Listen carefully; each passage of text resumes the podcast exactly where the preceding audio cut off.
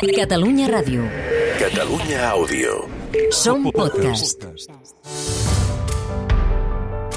La teoria del signe negre, amb Pilar Garcia.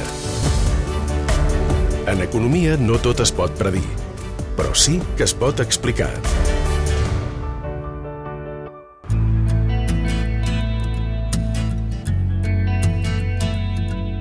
Em dic Montse, treballava en el sector editorial i ara fa set mesos que estic a l'atur. Penso que amb 54 anys les persones tenim coses a oferir encara.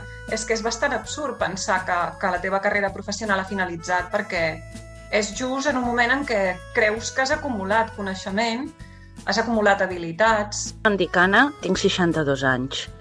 Porto sense treballar amb una empresa privada eh, d'una forma fixa, més o menys des dels 52, una cosa així. L'última empresa amb la que vaig treballar va ser una empresa metal·lúrgica que va decidir reduir plantilla i llavors es va anar desprenent dels més grans. Me llamo César, tengo 53 años. He trabajado en diversos sectores desde los 25 años, los últimos 15 en el sector de las TIC. Desde hace dos años estoy sin trabajo. He enviado currículums y me he inscrito a ofertas a través de plataformas digitales y la gran mayoría no responde. Catalunya és a la tercera posició a la Unió Europea en taxa d'atur i del total de desocupats que porten dos anys o més sense feina, el grup més nombrós és el de la franja d'edat de 55 a 59 anys, seguida de la de 50 a 54 i després la de 60 a 64 anys, segons l'enquesta de població activa de l'Institut d'Estadística. Però a veure, quins criteris segueix l'empresa a l'hora d'acomiadar persones de més de 50 anys? Quan fan un expedient de regulació, què és el que intenten fer? Això va començar amb la reforma laboral. Tu fas fora els treballadors que més guanyen. Ricard Ballera és secretari de Treball i Economia de Comissions Obreres. Llavors, si te fas fora una persona de 58 anys que té eh, 10 trienis, d'acord, o, o 7 trienis, i agafes un de jovenet, i a més a més l'agafes de categoria inferior i a sobre en pràctiques i no sé què, clar, t'estalvies molts diners. Molt bé, i què en diuen els empresaris? Jo crec que no podem fer una afirmació tan contundent de les empreses acomiaden les persones més grans a l'hora de prendre aquestes decisions perquè tenen els sous més elevats. No. Jessica Aguilar, tècnica de Relacions Laborals de la Patronal Foment del Treball. Es tenen en compte diferents circumstàncies que motiven aquest acomiadament, les raons econòmiques, tècniques, productives, organitzatives, l'empresa valora molts factors i després, perquè depèn les característiques de l'acomiadament, si és de caràcter col·lectiu, en determinades característiques de l'empresa, té un cos afegit a acomiadar precisament a persones de més edat. Aclarim què volen dir aquests costos afegits. En casos d'acomiadaments col·lectius, l'empresari té l'obligació de finançar un conveni especial amb la Seguretat Social per aturats de 55 anys o més. I això vol dir que els pagarà les cotitzacions per la jubilació fins que facin 63 anys o 61 si l'acomiadament ha sigut per causes econòmiques. Però aquesta situació és una excepció perquè només s'aplica en alguns casos d'acomiadaments col·lectius. Els acomiadaments col·lectius amb abonament del conveni especial són la minoria. Nacho Parra és advocat laboralista del col·lectiu Ronda. Hem de tenir en compte que molts acomiadaments col·lectius, a més, s'acaben tramitant via concurs de creditors. I si via concurs de creditors tampoc existeix l'obligació, al final que ens trobem dins la balança és que són minoria aquells supòsits de treballadors de més de 55 anys beneficiats per aquesta mesura del conveni especial. És una minoria. Així doncs, a Catalunya moltes persones de més de 50 anys sense feina no formen part dels aturats de sectors com la banca o les assegurances que sí fan acomiadaments col·lectius en què els treballadors queden amb unes condicions econòmiques més o menys bones, segons es miri, i sobretot de cara a la jubilació.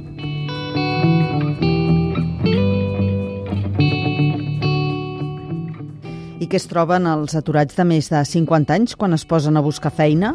Elegante. ¿Qué tienes? ¿Entrevista? A las 10. Esa tiene buena pinta. 14 pagas, dietas, despacho. Conocimientos de informática.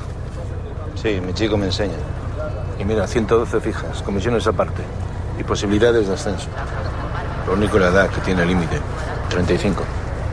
I apareixen els tòpics i els estigmes. Sigui, hi ha, hi ha com una espècie de, de mitificació que ve de, ve de, molt, de molt enrere, això, que el treballador gran treballa menys, té menys, menys capacitat d'aprenentatge. Hi ha tota una sèrie de tòpics que estan com molt instal·lats. Sí que és veritat que hi ha determinats com estigmes o estereotips que a vegades eh, van a, acompanyats amb, amb l'edat de, de la persona.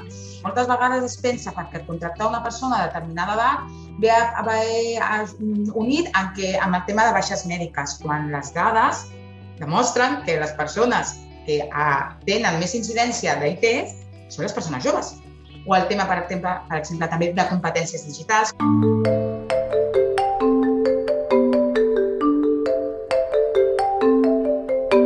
L'Anna ho té claríssim.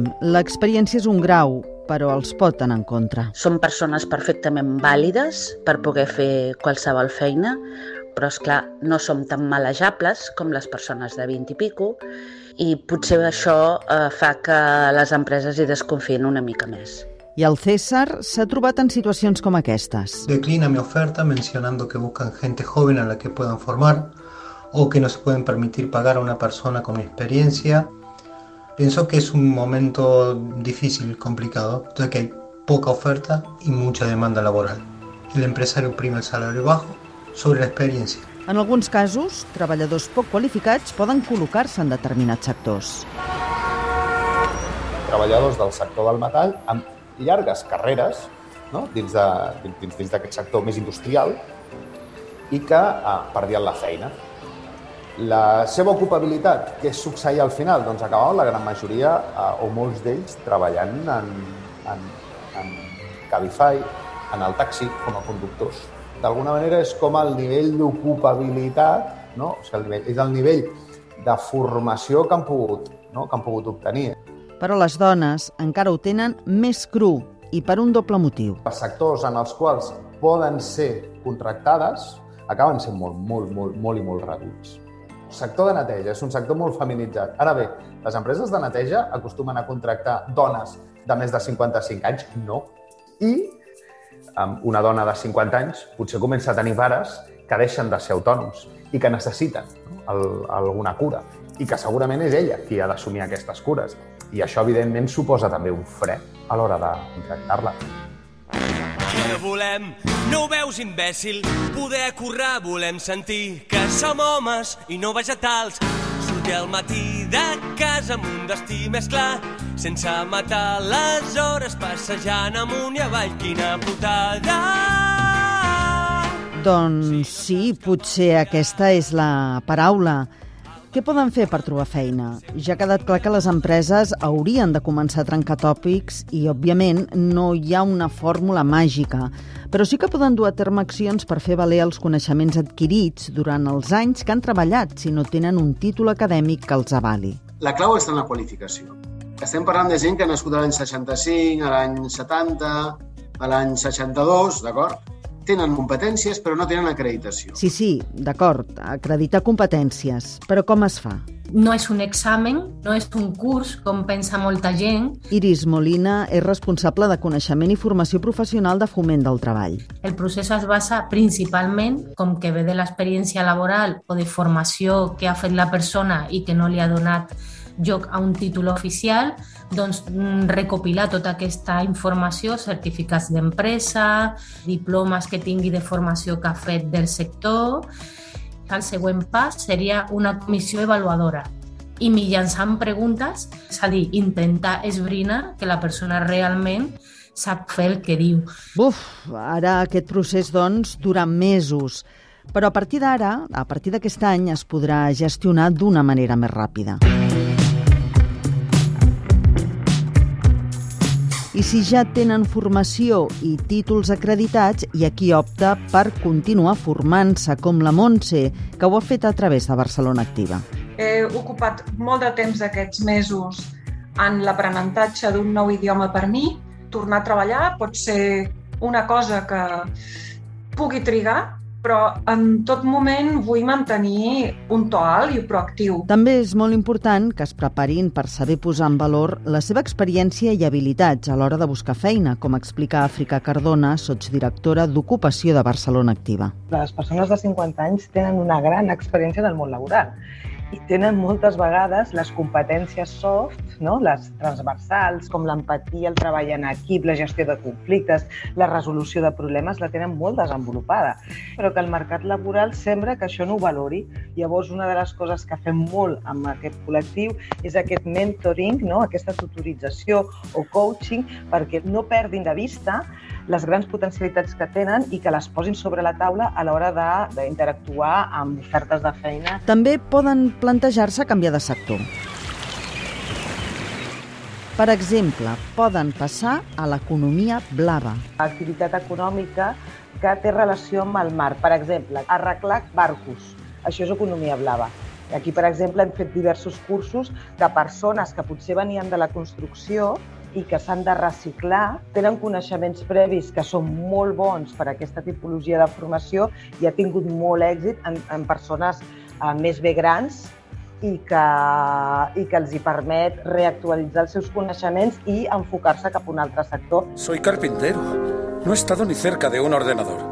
Tiene que mover el ratón por la pantalla. Quedar-se sense feina amb més de 50 és, doncs, sens dubte, un sotrac a la vida laboral i personal que, segons la psicòloga Alba Alfagema, cal processar primer i encara després d'una manera activa. Quan una persona de 50 anys o més perd la feina, eh, genera un, aquesta situació genera un impacte en la seva vida que en moltes ocasions doncs, obre un procés de dol. No? Realment necessita readaptar-se a una nova situació. Hi ha tot un procés de deixar enrere no? tota aquella vida i sobretot si és una feina en la que ha estat durant molts anys, per tant, fer un canvi vital en majúscules i per tant això necessita un temps. És important intentar tenir una actitud activa per tenir la sensació que tornem a recuperar la nostra vida, el control sobre les nostres vides i intentar transformar aquestes dificultats en una oportunitat per poder emprendre un nou projecte.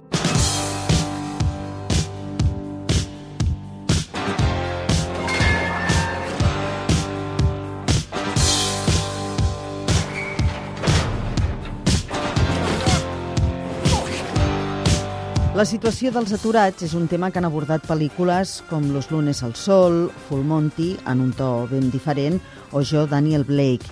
Josep Maria Bunyol és presentador del programa de cinema Memento a ICAT i li hem demanat que ens comenti aquestes pel·lícules.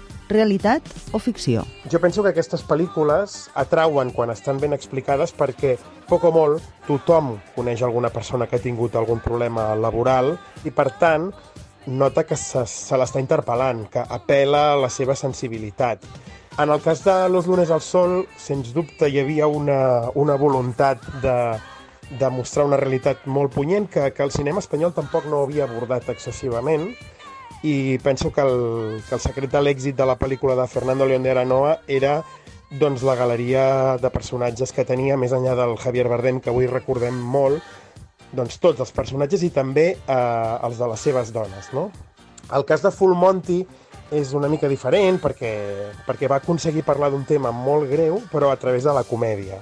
Que això és una cosa que el cinema social britànic no sempre ha fet i aquí em ve al cap l'exemple del Ken Loach. Ken Loach sí que ha fet moltes pel·lícules en què ha parlat dels problemes de la classe obrera, de vegades des d'una militància política que converteix alguna de les seves pel·lícules en un pamflet, i Full Monty va aconseguir una mica revertir a, a aquesta tendència més eh, ideològica i més pamfletària i va oferir una comèdia molt amable, molt disfrutable per part de públics molt diferents, però que a la vegada posava sobre la taula la situació de desocupació, no? un, un tema que a la Gran Bretanya ja des dels anys de Margaret Thatcher directors com Ken Loach havien anat abordant, o també el, el Mike Leigh. Trobar feina a més de 50 anys pot ser una odissea i cal que les administracions orientin les polítiques d'ocupació perquè tothom en edat de treballar i que vol treballar tingui almenys l'oportunitat de fer-ho.